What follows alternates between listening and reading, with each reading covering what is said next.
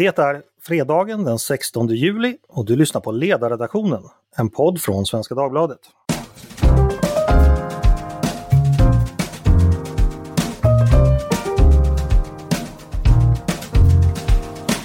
Välkomna ska ni vara till oss på Ledarredaktionen, ert citronvand i sommarhettan. Eh, det är återigen dags att samla några av ledarsidans skribenter för att prata igenom veckans händelser och vad man ska tycka om dessa. Med mig för att göra det idag, jag heter förresten Andreas Eriksson, har jag Mattias Svensson. Välkommen hit Mattias! Tack så mycket! Var i landet befinner du dig nu? På den vanliga ön Lidingö. Mm -hmm. Hur är det där? Uh, ja, det är sommarvarmt och uh, behagligt. Det låter bra. Med oss också har vi redaktionens Nestor, Olof Ehrenkrona. Välkommen Olof! Tackar, tackar! Jag befinner mig i trakten av Humlegården. Ja, du har suttit i Kungliga bibliotekets läsesal idag har jag hört. Vad har du gjort där? Eh, jag har ägnat mig åt eh, det Götiska förbundet. Aha! Bisarr bisarrt intresse, men jag har gjort det. Ja, men det, det, det spelar ju utomordentligt stor roll i, i kultursverige i början på 1800-talet. Geijer och Tegnér och alla de ja. var med. Ja, så var det. Absolut. Mm. Är det inte så mycket av den svenska nationalismen som liksom idéverk kommer väl därifrån ganska mycket, hur vi började se på Sverige och det som senare sipprade ner i folklagren via folkskolan och så vidare? Eh, jo, det är sant. Men det var ju då en nationalism som var väldigt modern. Mm. Den grundades i 1812 års politik och förändring som Johan gjorde. Så det, det hade ingenting att göra med de nationalistiska befrielserörelser som fanns på kontinenten utan det var en rätt stillsam och eh, ja, modernistisk, på den tiden, modernistisk rörelse. Just det. Och så har vi slutligen med oss redaktionens chef Tove Livendal, välkommen! Tack så mycket! Hur har du det? Jag har det bra. Det är väldigt varmt. Jag befinner mig på Gotland och eh, det är så det dallrar i luften riktigt, men eh, det är fint. Mm. Då befinner vi oss alltså på fyra olika platser. Lidingö, Kungliga biblioteket, Gotland. Själv är jag på Landsort, fyrplatsen längst söderut i Stockholms skärgård. Hörni, jag tänkte vi ska börja med något så upplyftande som ungdomsfängelser.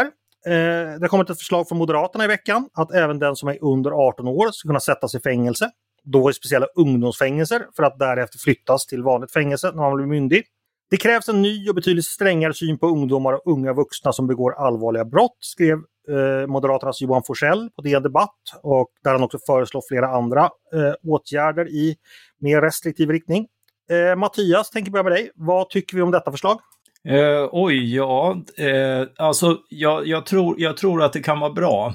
Eh, därför att det är, eh, eh ja det var också en intervju i, eh, i DN idag med, eh, med en av eh, direktörerna för de här, Eh, Malin Östling, eh, för där man sätter un, ungdomsbrottslingar nu som menar att det finns en, en kategori grova brottslingar som, som de här ungdomsboendena inte är, är tänkta för. Eh, och eh, det är också i, i, en rättsstatlig mening rätt rimligt att, att, alltså, straffpåföljderna är inte gjorda för den typen av, av grova brott vi sett bland unga förövare nu med, med skjutningar och annat. Uh, och, och liksom skjuter man kallblodigt ihjäl folk med tunga vapen så, så är det liksom vuxenstraff som, som gäller och då behövs en längre inlåsning men också liksom andra, andra typer av institutioner. Mm. Uh, ja. ja. Vi ska säga att man kan då, man är ju straffmyndig från 15 års ålder och man kan ju Eh, alltså i teorin kan man mellan 15 och 17 år dömas till fängelse i Sverige men det är då undantagsfall och i praktiken är det ju sluten ungdomsvård som det heter som är påföljden för allvarliga brott. Eh, någon annan som har några tankar om detta? Eh, Tove, hur ser du på straffskärpningar och generellt när det gäller påföljder för unga eh, förövare? Eh, är Moderaterna rätt ute här tror du? Ja, jag tror att de i alla fall är rätt ute i sin eh, intention. Att försöka få ett rättssystem som kan möta det som har hänt, en utveckling som har skett. Och sen måste man alltid, men jag uppfattar också att Moderaterna gör det, liksom vara försiktig när man jobbar med de här instrumenten och kalibrera och se att man kan, man måste ju ha en möjlighet att i rättsväsendet möta individen utifrån där den är. Eh, och är det så att man, det finns olika grader naturligtvis, det är inte så att man börjar med de här automatvapen och går mot annan person, utan det är många steg emellan. Och jag tycker det är viktigt att man ja, klarar av att möta med rätt signaler i rätt tid. Mm. Jag kan ju påminna eh, er om då att vi hade faktiskt en 15-åring som satt i fängelse, eh, jag tror det var i slutet på 80-talet, eh, som blev ganska uppmärksammad. Det var då den, en ungdomsbrottsling som gick under, eh, hade en klottersignatur som hette SIP. Eh, och den här personen då eh, hamnade i fängelse redan som 15-åring. Och det blev, jag minns Expressen gjorde ett reportage där han satt och läste Kalanka och det, ja, det väckte väl kanske inte så så, så, så glädjande associationer kanske. Eh, och därefter har vi då mer och mer övergått till annat. Eh, Olof, har du någonting att säga om det här? Eh, straff och påföljder när det gäller unga förövare. Om vi sett att vi har gått i en mer liberal eh, riktning, men är det dags att vända skutan åt andra hållet igen, eller hur tänker du? Ja, det kanske dags att se till att det finns en, den typen av påföljder också. Eh, jag är lite inne på samma resonemang som, som både Tove och Mattias, nämligen att det, det handlar om hur arsenalen ser ut. Och, och eh, för den här typen av väldigt grova brottslingar så, så eh, behöver nog domstolarna ha möjligheter att utdöma andra påföljder än de som finns nu. Eh, det handlar inte så mycket om att vända skutan utan att göra, göra systemet som sådant mer adekvat. Mm. Okej, Johan Forsells förslag får alltså då eh, försiktigt tummen upp från, från ledarredaktionen. Eh, vi ska gå vidare och prata klimatpolitik. Eh, I veckan kom ju EU-kommissionens så kallade klimatpaket. Eh, en rad åtgärder för att minska utsläppen fram till eh, 2030 är det väl. Reaktionerna på det har som vanligt varit blandade. Det hör ju till frågan att man är mer eller mindre nöjd. Eh, Mattias, vad tänker du i stort kring, kring det vi har fått veta om paketet? Vad är bra och vad är mindre bra? Eh, det, det som är bra är eh, grundanslaget, nämligen EUs försök att, eh, att, att ha ett handelssystem för utsläppsrätter där man gradvis minskar de, de totala utsläppen och låter företag betala för den del av, av utsläppen som de tar i anspråk. Eh, det är ett väldigt bra sätt att, att få, få ner utsläppen bland stora utsläppare på ett sätt som gör att, att, att de som lättare kan minska kan göra det i snabbare takt medan de som har svårare då får köpa sig fler utsläppsrätter. Eh, och där har hänt mycket på senare tid och, och där ska också svenska insatser, inklusive miljöpartisten Jakob Dalunde, eh, premieras för, för att få det här Eh, från början hade man sjösättningsproblem med, eh, med utdelning av, av för många rätter och sånt där. Liksom. Men, men det har blivit bättre och nu föreslår man att utöka det till nya områden inklusive att också flyg och, eh, och båttrafik betalar för, eh, för utsläppen som, som de orsakar. Eh, så det är det bra och det dåliga är att EU har blivit väldigt mycket av en, en reglerings och kontrollunion. Man sätter en massa mål på en massa områden, man ska implementera standarder och annat och, eh, eh och, och liksom reglera varenda produkt utifrån eh, sådana här aspekter. Och, och, då är dels risken att, att produkterna liksom förlorar sin ursprungsfunktion för att de ska spara så mycket energi eller annat som möjligt. Att man trycker ut eh, produkter som folk inte har så stor nytta av och det blir ju egentligen ett resurslöseri. Och det andra blir att, att byråkratin hamnar i, människor hamnar gentemot i, byråkratin i ett i ett ständigt behov av att be om tillstånd och det ser vi inte minst för, för svenska skogsägare att, att det blir liksom vad de än vill göra med sin skog så måste de be, eh, be byråkrater om tillåtelse och uppfylla en massa standarder och då förlorar man liksom det här omdömet och helhetsbilden som finns hos den som äger exempelvis en fastighet eller, eller skogsmark och annat och, eh, och sådär. Och så blir det en optimering utifrån en förvisso viktig aspekt, men Eh, men men där, där klokskapen lite grann går förlorad. Så där är jag rädd att, eh, att, att den, den väldigt, väldigt ambitiösa ansats vi ser i, i regleringshänseende kan bli närmast kontraproduktiv för, för den dynamik som behöver utvecklas. Mm. För det, det, får mig ju osökt då att tänka på, du skrev ju en text i veckan som handlar om klimatpolitik, då om just klimattullar. Om jag tolkar det rätt där så att, eh, menar du att de visserligen då kan fungera men de också ibland missar målet och, och liksom skymmer det viktigare värdet som vi då får av, av frihandel? Eller kan du berätta lite mer om, om den texten och hur dina ja. tankar gick där? Ja, alltså det är två saker. Alltså klimattullar är ju sånt där som tyckare som vill visa att de eh, att de är beredda att göra något, tycker är fräna. För de låter jättebra i teorin. Eh, att liksom du, du, tar, du tar en avgift av företag inom eh, Europa så de måste anpassa sina utsläpp. Men då kan, kan liksom andra komma och konkurrera och, och liksom konkurrera ut dem, eh, tänker man. Eh, och, och därför så sätter man en tull och så kostar det lika mycket och så, och så blir allting fint och bra. Eh, men, men det är inte så det funkar i praktiken. Du, du, kan, i, eh, du kan i praktiken inte mäta utsläppen hos den här andra eh, som exporterar till oss och, och framförallt inte så fort det blir komplicerade produkter som satts ihop av komponenter från flera olika länder och sånt där. Eh, så det öppnar liksom i praktiken för byråkrati och fusk och annat. Och det kan illustreras av att nu, nu inför EU eh, och, och börjar liksom införa klimattullar och då annonserar demokraterna i USA att det ska de också göra. De har inte ens någon egen avgift på, på vad amerikanska företag släpper ut, men, men ska alltså smälla eh, tullar på allt som importeras. Så mm. då blir det liksom bara en, en protektionism.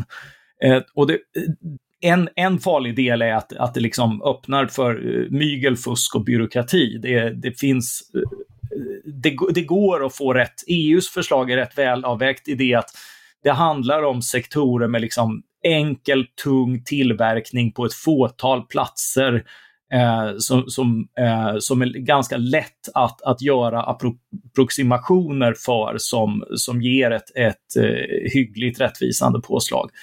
Eh, och, och, kan åstadkomma ganska stora utsläppsminskningar. Liksom. Men, men att utöka det här till, som man tänker sig då, och se det som en generell intäktskälla och sånt där, det, det är liksom en, eh, regnbågsfärgade enhörningstänkande som, eh, som, som saknar realistisk grund. Så kan inte tullar fungera. Och, och i USA blir det förstås en, en ren protektionistisk åtgärd för att skydda egna företag och då fördyrar man ju produktions och en omställning som som tvärtom behöver vara så billig och enkel som möjligt. Mm. Jag tänkte, vad säger ni andra? Olof, om jag vänder mig till dig, eh, vår utrikespolitiska ciceron. Eh, klimatpolitik går ju över, som Mattias berättat, till handelspolitik. Hur påverkar de här olika globala klimatåtaganden utrikespolitiken generellt? Finns det någonting att, att säga om det? Hur, har det liksom blivit en bricka i det utrikespolitiska spelet också på något sätt? Går det att säga någonting om det? Eh, ja, det har det ju blivit. Så att, vi kan ju se vad Putin gjorde häromdagen när han förklarade att han inte fick, fick använda champagne, eh, att champagne fick inte använda sitt varumärke champagne utan var tvungen att skriva mousserande vin på ryska. Champagne kunde bara reserveras för sånt som producerades i krig. Eh, det där är ju en, en åtgärd som är uppenbart politisk. Eh, och det är klart att sånt där väcker irritation, men det finns en annan aspekt på det som jag tycker också som understryker det som Mattias säger. Och det är att vi har idag olika momsregler i olika länder, och inte bara i olika länder utan i USA till exempel i olika delstater. Så, så till exempel är cowboy boots tydligen momsbefriade medan vandringskängor är ålagda betydande moms i, i Texas. det är klart att ska vi hålla, hålla på och, och, och, och kinesa oss med, med, med det här, vilket redan ligger i farans riktning till följd av det nya momsdirektivet, då eh, och, och, få detta också på klimatområdet och på tullarna, då, då, då är vi ju tillbaka i en väldigt, väldigt besvärlig global eh, handelssituation och det kommer att gå ut över de mindre och medelstora företagen som behöver söka på andra marknader än sina egna. Så att det, det är ett, i grunden ett väldigt stort problem för Sverige eh, om det här blir följden. Eh, och det tror jag man ska vara medveten om. Eh, det, det, är inte regleringar som leder till omställning och av klimatskäl utan det är faktiskt innovationer.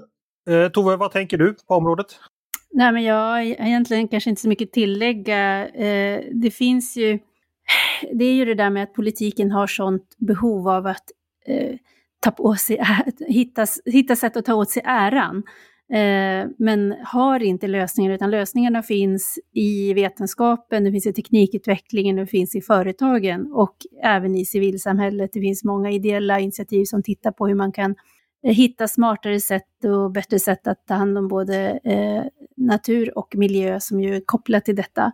Så det, det, här finns det ju en inneboende målkonflikt där politikerna vill gärna liksom vara de som berättar att de löste saken eh, och, och eh, det, det, är väl liksom det som då tar sig uttryck i att man eh, lägger mer makt hos sig själv istället för att säga att nej, hur kan vi istället ta bort de hämskor och trösklar som finns för att öka upp för ännu mer innovation. Det är det som blir problemet här. Eh, vi ska gå vidare. Eh, Olof, jag tänkte gå vidare med dig faktiskt. Eh, jag vet, du har funderat en del kring eh, ekonomin och näringslivet och den omstart då som alla pratar om nu efter pandemin. Eh, det har ju skrivits en hel del om det. Hittills har väl prognoserna sett, eller de siffror vi har fått, sett ganska bra ut. Eh, vad tänker du om detta? Nej, jag är både förvånad och imponerad över framförallt från näringslivet i Sverige som jag känner bäst till vad de har lyckats åstadkomma för att anpassa sig, anpassa sig både till den fruktansvärt starka nedgången som var i början på pandemin och den snabba uppgången som kommer nu. Det är ett imponerande omställningsarbete som man har lyckats genomföra. Och, eh, eh tittar man på näringslivet i stort så är det ju, det är ju en blandning av gamla riskkapitalister och nya riskkapitalister och entreprenörer, innovatörer och klassiska industrialister. Alla drar åt samma håll och alla genererar betydande värden just nu. Det, det är fascinerande att se. Vi såg liknande effekter i samband med finanskrisen 2007-2008. Eh, och, och, jag är, ja, jag är förvånad över att man visar upp sån flexibilitet och sån, sån, sån kompetens när det gäller att leda sina företag i, i, i väldigt hårt väder som det har varit. Eh, Mattias, vad tänker du? Eh, Olof berömmer näringslivets innovationsförmåga och anpassningsförmåga. Eh, det visste vi väl redan innan att näringslivet är de som är vana och bra rustade för sånt här? Eller är du också eh. särskilt imponerad?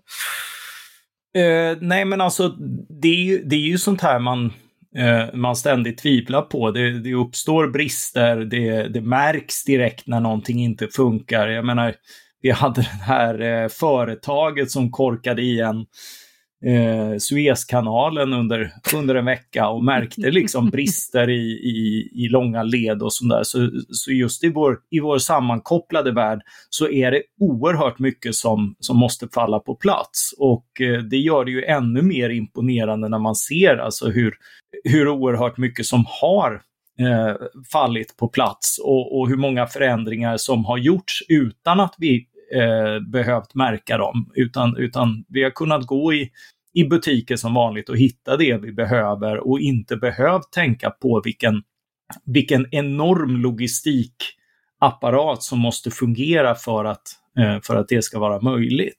Och ovanpå det så har vi, har vi liksom fått ett eh, Eh, Eh, alltså brister avhjälptes väldigt fort på några månader av medicinsk utrustning som i vissa fall som testutrustningen knappt tillverkats eh, tidigare och framförallt inte i den skalan. Eh, och eh, eh vaccinerna förstås med, med, eh, med sin utrullning. Och eh, det är klart att ingen tycker att det går snabbt nog, men men, men det är ändå liksom ett sätt att hantera en pandemi som, som saknar motstycke och som, eh, som liksom aldrig hade kunnat ske i, i mindre dynamiska och anpassade eh, eh, ja, sektorer. En seger för världskapitalismen helt enkelt. Ja, men det får man väl ändå säga. Tove, håller du med? Eh, ja, absolut. Men här tycker jag verkligen att man kan använda det här begreppet som eh, togs med i Moderaternas idéprogram som de nu ska anta i höst, det här lärande samhället. För det är ju, om man tittar på eh, Ja, fler har kunnat gå i butiker men också har butikerna kunnat besökas coronasäkert hemma vid datorn eller i mobilen. Och att näringslivet så snabbt var duktiga på att hitta sätt att göra sig tillgängliga även för de som eh, av smittskäl verkligen ville hålla sig isolerade hemma. Så vi har ju lärt oss massa saker och det blir också många saker kvar. Jag var till en tebutik i Visby som eh, eh, är anrik och det ringlade en lång kö med, med goda meters mellanrum mellan varje som stod där inne och så stod det en person vid dörren och såg till att det fick vara så många inne som var lämpligt. Och det, hon, hon sa att det positiva är ju att nu att det är inte så trångt inne i butiken utan det blir en trevligare köpupplevelse för de som är inne. Så att det är kanske någonting som blir kvar även när vi har kommit igenom eh, den, så här, smittoläget. Så det finns ju någonting som vi lär oss. Det kommer bli kö och dörrvakter. Ja, det var en mycket trevlig och trivsam dörrvakt så att det där ordet har också utvecklats kan jag säga. Det... Ja. och är det fint väder så är det trevligt att stå ute i friska luften istället för att trängas och svettas med andra som, där det bara uppstår irritation. Så att, ja, det finns mycket positivt som kommer av detta också. Mm. Det finns en annan aspekt för det som jag tycker är viktig också. Det är ju att både finanskrisen och pandemin har ju hotat väldigt stora värden för folk när det gäller pensioner och sparande och sådana saker. Och eh, om man skulle jämföra med 30-talet då man alltså fick leva med decennielång depression så eh, har ju det här eh, rättat till sig väldigt, väldigt snabbt. Va? Och vi har fått en, en ökning av hushållens ägande och en ägandespridning som knappast trodde var möjlig på 60-talet. Eh, och det är ju mycket beroende på de reformer som gjordes globalt på 90-talet och de första decennierna under 21 århundradet. Så det är ju det är inte bara världskapitalismens en seger utan det är också så, det, det är förmögenhetsspridningens seger också. Även om klyftorna är fortsatt stora så har det ändå varit en väldigt, väldigt uppgång i de breda medborgargruppernas sparande som vi har sett de här senaste åren. Mm, just det, det är sant. Hittills i podden har vi alltså eh, hyllat världskapitalismen, berömt näringslivet, varit skeptiska mot tullar och EU-byråkrati samt hyllat ett moderat initiativ i kriminalpolitiken. Eh, ingen kan säga att vi inte bjuder på överraskningar här i ledarredaktionen. Hörni, vi, ska vi ta och gå vidare till någonting där man kanske kan bli mer oense? Eh, Tove, du har skrivit några texter i veckan som jag tänkte vi skulle ta upp. Eh, den första gäller invandring eh, och Moderaterna. Detta med anledning av ett av de där vanliga sandlådegrälen kring ett lösryckt citat från Ulf Kristersson som gjorde att jag trodde att man var tillbaka flyttat till år 2012. Vilket nog var hela poängen. Eh, just det för barn som ägnat tid åt här, men din poäng i artikeln var i alla fall att Moderaterna behöver, som du uttrycker, formulera en syn på invandring som skiljer sig från både Socialdemokraterna och Sverigedemokraterna, tycker du. Eh, hur skulle en sån syn, moderat syn på invandring se ut? Och vad skiljer den från, vad behöver ändras för att den, den ska bli verklighet helt enkelt? Eh, ja, den finns ju där redan. Den har ju funnits artikulerad eh, åtminstone sedan sen väldigt tydligt i det programmet 2002 som antogs. Och det är ju i grunden så är, som man uttryckte att Moderaterna ska vara den starkaste kraften för frihet, eh, framtidstro och företagande tror jag, någonting sånt. Och det är ju fortfarande uppgiften. Och sen så har ju, ett tag så var det ju så att det blev Sverigedemokraterna som fick artikulera problem relaterade till migration och eh, bristande integration. Eh, och nu har då alla andra partier försökt jaga ikapp detta och det är ju i jakten på att ha de eh, liksom, relevanta verklighetsbilderna och de liksom, potenta förslagen som jag menar att man inte får bli entonig. Utan är, man måste kunna göra båda saker samtidigt. Jag vet att det är emot vad alla kommunikationsexperter säger, det ska ha ett budskap, men jag menar att Moderaterna måste ha två budskap, för det är ingen annan som kommer att ha det, utan Socialdemokraterna är ett opportunt maktparti i sin grund. Sverigedemokraterna är ett populistiskt eh, parti i sin grund och de kommer inte att bemöda sig om att springa på någon annan boll än den som känns liksom lättast för tillfället och de kommer inte heller att tala om vikten av öppenhet i ett läge där vi har behov av att strama åt systemen på olika sätt. Men att strama åt systemen är inte detsamma som att stänga möjligheten för människor, utan då är det snarare om att bli bättre på att hitta möjligheterna att utforma systemen så att de möjliggör för människors rörlighet i det fall den är säga, hederlig och öppen och självförsörjande. Så det är ju liksom det här som Moderaterna måste göra. Jag tror inte att det är något annat parti som vare sig orkar eh, mäkta med eller faktiskt har det djupa intresse som Moderaterna bör ha. Mm. Idag så tycker jag, för min del så har jag lite svårt att se att man mäktar med det eller att man gör det just nu. Alltså, det är svårt att se egentligen vad som skiljer Moderaterna från Sverigedemokraterna och, och Socialdemokraterna när det gäller invandring. Det är mest gnäll om att det har varit eh, för mycket invandring och att vilka problem det har skapat, vilket det förvisso har, men så mycket kring invandringens betydelse för landet, eh, möjligheterna den skänker människor och så vidare. Det hör vi ju inte så mycket av idag. Eller det får du väl ändå hålla med om? Tove, eller hur tänker du? Ja, ja, absolut, och det var också skälet till att texten skrevs. Och eh, det är ju, det är ju sådär att när man sitter och skriver ledarartiklar så är det, det, är, det är lite grann av ett lotteri när det gäller respons. Man kan vara jättenöjd med en text och så händer det ingenting och sen kan det vara en text som känns ganska banal men som blir helt viral och man får mycket beröm som man kan nästan tycka är oförtjänt. Men här har det då hört av sig väldigt många som är just, har väldigt starka värderingsmässiga aktier i borgerligheten i allmänhet och Moderaterna i synnerhet och välkomnat det därför att det finns en känsla av att det just blir för entonigt och att mm. man vill ha ett parti som klarar av att stå fast vid sin gamla, sitt gamla försvar för just det öppna samhället. Olof, jag ska vända mig till dig. Du känner ju liberal, eller förlåt, moderat idétradition sedan Birger Brosas dagar ungefär. Eh, hur, hur står sig den här frågan som Tove beskriver, invandringen so som en positiv kraft i samhället. I, hur, hur, hur, har Moderaterna lyckats formulera det tidigare och hur väl lyckas man idag tycker du? Jag tycker i och för sig att man lyckas ganska bra. Eh, problemet handlar ju väldigt mycket om om man har möjlighet att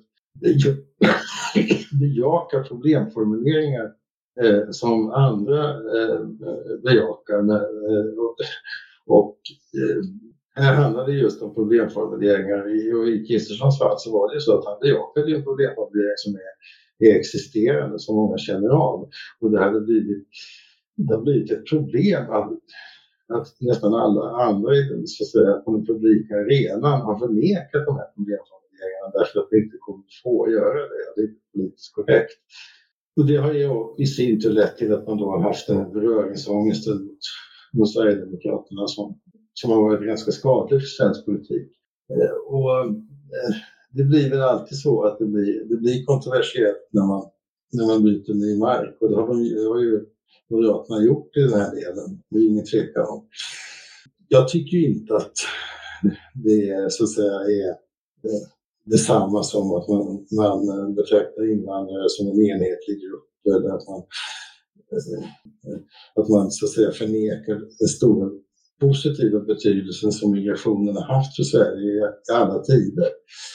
Eh, däremot så måste man ju vara beredd att i ett politiskt samtal faktiskt se både för och nackdelar med olika delar i samhällsutvecklingen. Det, det, det, tyvärr är det väl så att medieklimatet är sånt att det är svårt att göra det på ett nyanserat sätt för det blir omedelbart låsningar och folk förfasar sig och, och, och, skriver artiklar där man missförstår och så. Och det, det är jag skulle säga att det är en brist i det offentliga samtalet snarare än en brist i, i de politiska partiernas svar på verkligheten och dess utmaningar. Mm. Medieklimatet må vara dystert men väderleken i podden är som vanligt nyanserad. Eh, Mattias, jag, jag tänkte vända mig till dig. Du tillhör ju i viss mån eh, en, ja det gör ju Tove också förstås, då, men en generation unga moderater där Ulf Kristersson en gång var, var banerförare och MUF-ordförande där invandring sågs som någonting, alltså väldigt positivt på det. Man kritiserade moderpartiet ofta för att man var, var för restriktiv.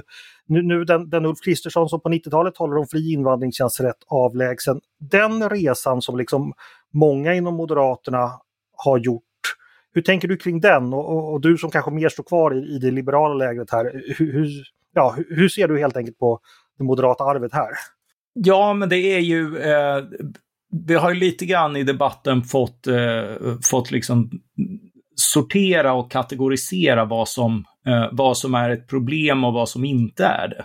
Eh, en väldigt stor del av, av migrationen eh, är ju eh, oproblematisk för de allra flesta. Att, att människor nu mer kan eh, kunnat flytta liksom eh, mycket mer än tidigare inom Europa.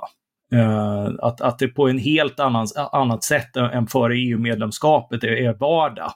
Uh, och att man är förvånad i Storbritannien när man upptäcker hur många eh, hur många europeer som vill bo kvar och, och, och sånt där. Liksom. Det, den typen av, av migration eh, är, är, ju liksom inte speciellt ifrågasatt. Och sen har vi integrerat eh, stora delar av det som tidigare var Öst och Centraleuropa, de gamla kommunist kommunistländerna också. Det har ju gått över förväntan. Eh, jag menar med tanke på, på liksom hur LO med kampanjer mötte, mötte liksom eh, baltiska byggjobbare tidigare, men nu är de, nu är de på ett annat sätt ett, ett inslag i, eh, i, våra arbetsmarknader eh, som, som, eh, som på ett helt annat sätt är, är något vi vant oss vid. Så, så rörlighet för arbetskraft, rörlighet för Eh, för människor att flytta och förverkliga eh, där de vill eh, har, har vi liksom rent praktiskt fått betydligt större möjligheter för och på det, på det stora hela fungerar det inte utan friktion men, men väldigt väl. Och det här har ju också varit sätt att integrera grannar samtidigt. Men det stora problemet är ju asyl. Ja, precis, för det är ju och, den och, som är, det, det, är en stor del av den svenska migrationen och det är ju den som ofta har diskuterats. Var den liksom inte med ja. när Moderaterna pratade om, eller Ungmoderater pratade om fri invandring på 90-talet? Tänkte ni er inte den eller hur, hur såg ni på saken? Den, den, blev ju, den blev ju integrerad i det här och, och liksom man, eh, för jag menar vi hade ju Jugoslavienkrisen och annat. Det var, det var människor som kom hit, eh, flydde hals över huvud från en an, ett annat land i Europa. Mm. Uh, och, och som skickades tillbaka i vissa fall till krigszoner där det, där det pågick etnisk rensning. Uh, vilket, vilket ju väckte den här liksom, uh, alltså kritiken mot, mot liksom det här, varför är det upp till byråkrater och inte människor att, att, att bestämma när de riskerar förföljelse eller inte? Och, och i det perspektivet så, eh, så ligger ju också eh, alltså hjälpen till flyktingar nära till hands som, som liksom ett uh, upp, öppna gränser. Så fort vi tittar historiskt liksom att människor tog sig hela vägen via fartyg till USA från Tyskland för att skickas tillbaka igen blir ju liksom i historiens ljus och givet vad som hände oerhört grymt och svårt att föreställa sig.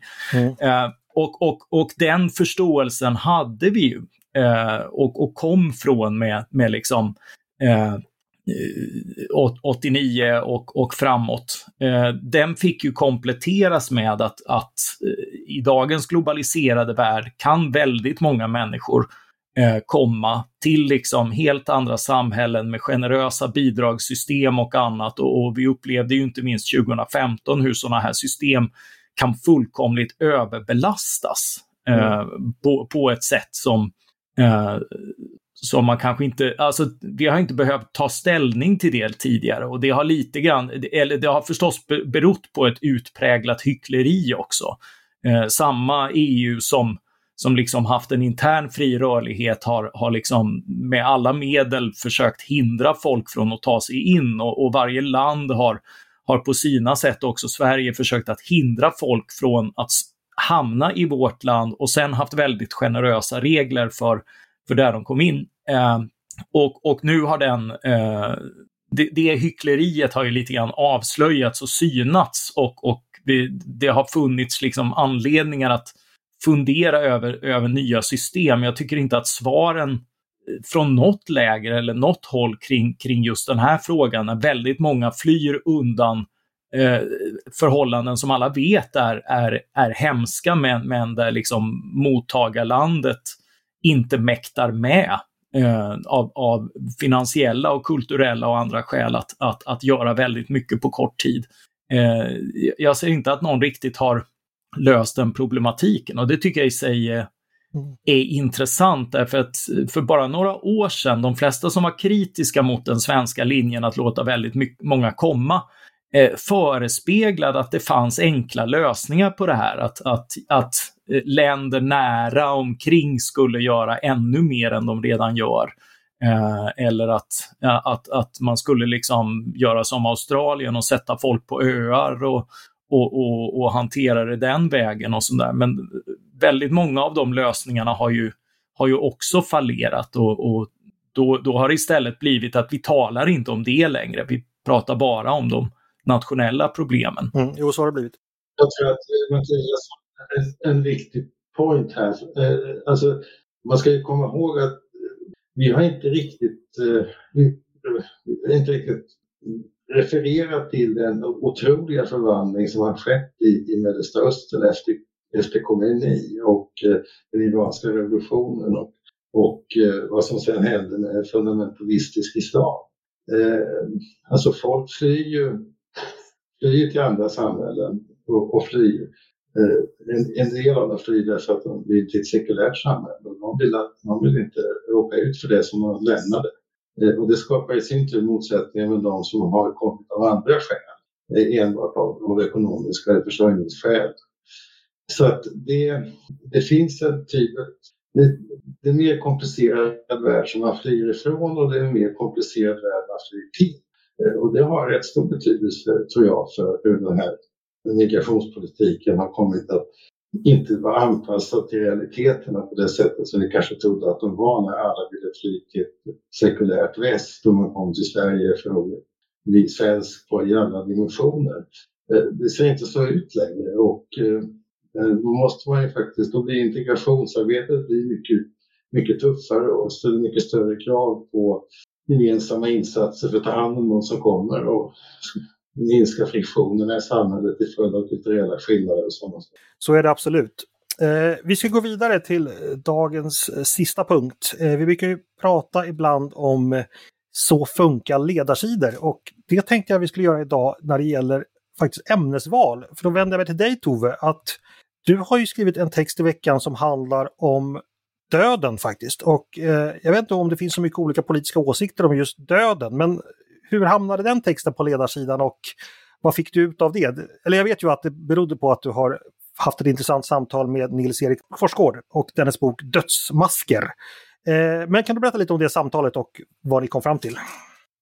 Ja, absolut. Det var en, eh, det var en, en läsupplevelse som var oväntat positiv. Jag drog mig nog för att öppna boken Dödsmasker, för jag kände att det har varit väldigt mycket döden i, i i tanken de här senaste ett och ett halvt året. Eh, och där, det har ju präglat samhällssamtalet på ett sätt som det inte normalt gör. Vi, det är klart att nyheter när människor dör eller förolyckas eller ja, som nu kring gängbrottsligheten skjuts ihjäl, det har vi ju. Men det här när det här existentiella har liksom tagits in överallt och vi hade på Svenska Dagbladet ett tidigt dödsfall av en medarbetare som dog i covid och det så det har funnits närvarande på ett annat sätt. Eh, nu har vi ju en sommarserie där vi tillåter oss att ha en stor bredd av både ämnen och personer. Det är mer eh, där tanken är att kan man få ett intressant samtal som kan ge någonting så har det varit ingången. Och jag har ju också då en, eh, i grunden så är det ju så att även om då det heter politisk chefredaktör och här på den här sidan så formuleras politiska tankar och åsikter så är det ju så att politiken är den mest reaktiva samhällssfären av allihopa. Och det som händer i ja, vetenskapen som vi varit inne på, näringslivet eller i kulturen med alla uttryck med musik, litteratur, scen och konst eller civilsamhällets etik eller religionen, det kommer så småningom att påverka också eh, hur politiken tar sig uttryck. Eh, så att den kommer liksom sist. Och vill man då både kunna påverka men också förstå politiken, då måste man också ha ett större, ett, en, ett, större synfält än att bara titta på vad som sägs om Morgan Johansson i, mm. i eh, något uttalande. Så det, jag tycker det är ju också eh, varit viktigt för mig att vi har en bred, en bred, eh, en bred blick på samhället. Vad lärde du dig om, om döden då, av det här samtalet? Eh, ja, Eh, jag lärde mig, dels så blev det ju ett sätt att också spegla lite egna tankar, men sen är det ju så att så fort man skrapar på det så kommer det ju snabbt upp sådana frågor som förr eller senare då blir politiska. Frågan om eutanasi, assisterad dödshjälp, är i högsta grad en fråga som där, där civilsamhällets etik så småningom kommer att ta, ställa frågan till politiken, vart, vart är vi någonstans? Och där är ju han av tron att att Sverige och de nordiska länderna, eh, han tycker det är lite konstigt faktiskt att vi inte idag tillåter det givet hur progressivt vi som samhälle är. Men här finns ju också då, det här är ju en fråga som eh, naturligtvis finns det en fråga som handlar om vetenskap, vad är möjligt? Men det finns naturligtvis då också väldigt stark koppling till eh, etiken, men också religionen och andligheten, hur man ser på de här frågorna, om man har en troskoppling till frågan om döden. Eh, och eh, sen har vi då frågan om demografi som kommer upp, som också i högsta grad är politisk. Där är ju hans eh, iakttagelse att det finns liksom tre stora frågor som ryms under demografi och det är då nativitet, migration och mortalitet. Och han, hans iakttagelse är ju att man kan diskutera en av de här frågorna och ibland två. Och då är det ofta nativitet och kanske också migration. Men mortaliteten, den diskuterar vi nästan aldrig. Men frågor om, om dödstal har väldigt stor betydelse för samhällen. Och utifrån det då, om man tittar på att vi har åldrande befolkningar och i, som i Finland så är det ju utan invandringen så skulle man då ha en minskad befolkning i de flesta, på de flesta orter. Och då kommer man in på frågor som rör äldres tillvaro, frågor om hur lång arbetsliv man ska ha när man ska gå i pension, eh, hur vi ordnar äldreomsorgen eller sjuk och hälsovårdsförsäkringar. Så att alla de här sakerna som omgärdar döden, de finns också uttryckta i sen en massa frågor som politiken har att hantera. Och jag tänker att ju bättre eh, vi, vi är ett samhälle där döden lite grann hålls undan. Det är inte så att vi har våra döda liggandes i våra hem, utan det är liksom ganska, eh, ja, vi håller det lite ifrån oss och då tänker jag att det kanske också gör oss mindre kapabla att diskutera frågorna när de dyker upp i politisk skepnad. Så av det skälet är det också bra att vi kan tala även om det som ofta är förknippat med det allra mest smärtsamma. Mm. Jag kan varmt rekommendera alla som lyssnar att läsa eh, Toves text eh, eh, efter hennes samtal med Nils-Erik Hörsgård. Hörrni, jag tänkte dags att avsluta. Jag ska göra det på lite samma tema som Tove just har pratat om. Om jag säger denna dagen ett liv, vad säger ni då? Farbror Melker. Exakt. Det är ju då, han citerar ju filosofen och poeten Thomas Torild då som som levde på 1700-talet och eh, slutade sina dagar som professor i Greifswald i svenska Pommern. Eh, men han, han, skrev just det, denna dagen ett liv. Det här citatet läste då farbror Melker den 18 juli 1964 tror jag att det var. Eh, och tänkte då liksom att det, det, det, det, väckte ju någonting inom honom och det finns ju ett kapitel då i, i, i boken Saltkråkan och ett avsnitt som handlar just om det, denna dagen ett liv. Eh, och det var alltså då precis 57 år på söndagen. Så jag frågar er så här, på söndag då, den 18 juli, 57 år efter farbror Melker tänkte så här. Om ni vaknar på morgonen och tänker denna dagen, ett liv, hur kommer ni då tillbringa söndagen utifrån de förutsättningarna? Tove, vad säger du? Ja, min förhoppning är att få bevista en eh, coronasäker konsert faktiskt och eh, få avnjuta klassisk musik i yppersta klass. Och är det så, det där, dels så tänker jag att varje dag är, är ju en gåva, en sällsam gåva som det står på de här eh, broderade väggbonaderna och det, den viktiga uppgiften man har det är att, och det man kan göra det är att försöka göra varje dag meningsfull. Men sen finns det också det där som blir sådana upplevelser att de sitter kvar länge, länge och liksom, ja, verkligen om, om man skulle råka ha oturen att gå och dö så skulle man ändå kunna känna att den där sista dagen, den, den, den var inte dum. Mm. Så att det är väl förhoppningen att den här konserten eh, ska, att jag ska kunna gå på den och att den eh, får, vara med, får vara med mig. Det låter som ett underbart liv. Eh, Olof, vad säger du? Denna dagen ett liv. Eh, ska det levas på KBs läsesalar eller vad, vad, vad hittar man livet? Nej, det är ett mycket lätt val för mig. Jag har ju förmånen att ha fem barnbarn. Jag skulle tillbringa dagen med dem. Just det. Mattias, vad säger du? Ja, men just på söndag så tänkte jag göra ett uttag ur eh, på det här livskontot och låta, eh, låta tiden stanna upp och unna mig saker. Jag ser fram emot att eh, gå på fotboll och se AIK. Jag ser fram emot att dricka ett par öl innan dess. Eh, jag hoppas eventuellt hinna springa en liten rekreativ runda eh, som, eh, som en liten uppvärmning. Så bara de där livets belöningar som man kan sätta in i en bok och känna att idag har jag levt och inte bara strävat vidare. Fotboll, eh, öl och löpning låter alldeles utmärkt, så behöver vi inte nämna laget. Du då Andreas? Ja, AIK såklart. det, jag befinner mig på den platsen eh, där jag trivs allra bäst, det vill säga ute i Stockholms skärgård. Så jag ser gärna att den dagen är ett liv ute, längst ute vid havet helt enkelt. Med det hörni, ska vi säga tack för idag då. Och stort tack eh, Olof, eh, Tove och Mattias till för att ni ville komma och prata med mig från olika delar av Sverige. Eh, jag ska bara också passa på att tipsa om att det finns ju fler poddar på Svenska Dagbladet. Eh, en av dem heter Dagens Story, en nyhetspodd, där du på en kvart varje dag får en fördjupning i ett aktuellt ämne. Den får ni gärna lyssna på också. Men det ni har lyssnat på nu är ledarredaktionen. Eh, hör gärna av er till oss eh, om det är så att ni har tankar om det vi har pratat om. Eh, maila då ledarredaktionen snabel svd.se. Eh, sagt, stort tack för idag. Dagens producent har varit Jesper Sandström och själv heter jag Andreas Eriksson. Jag hoppas att vi hörs igen snart.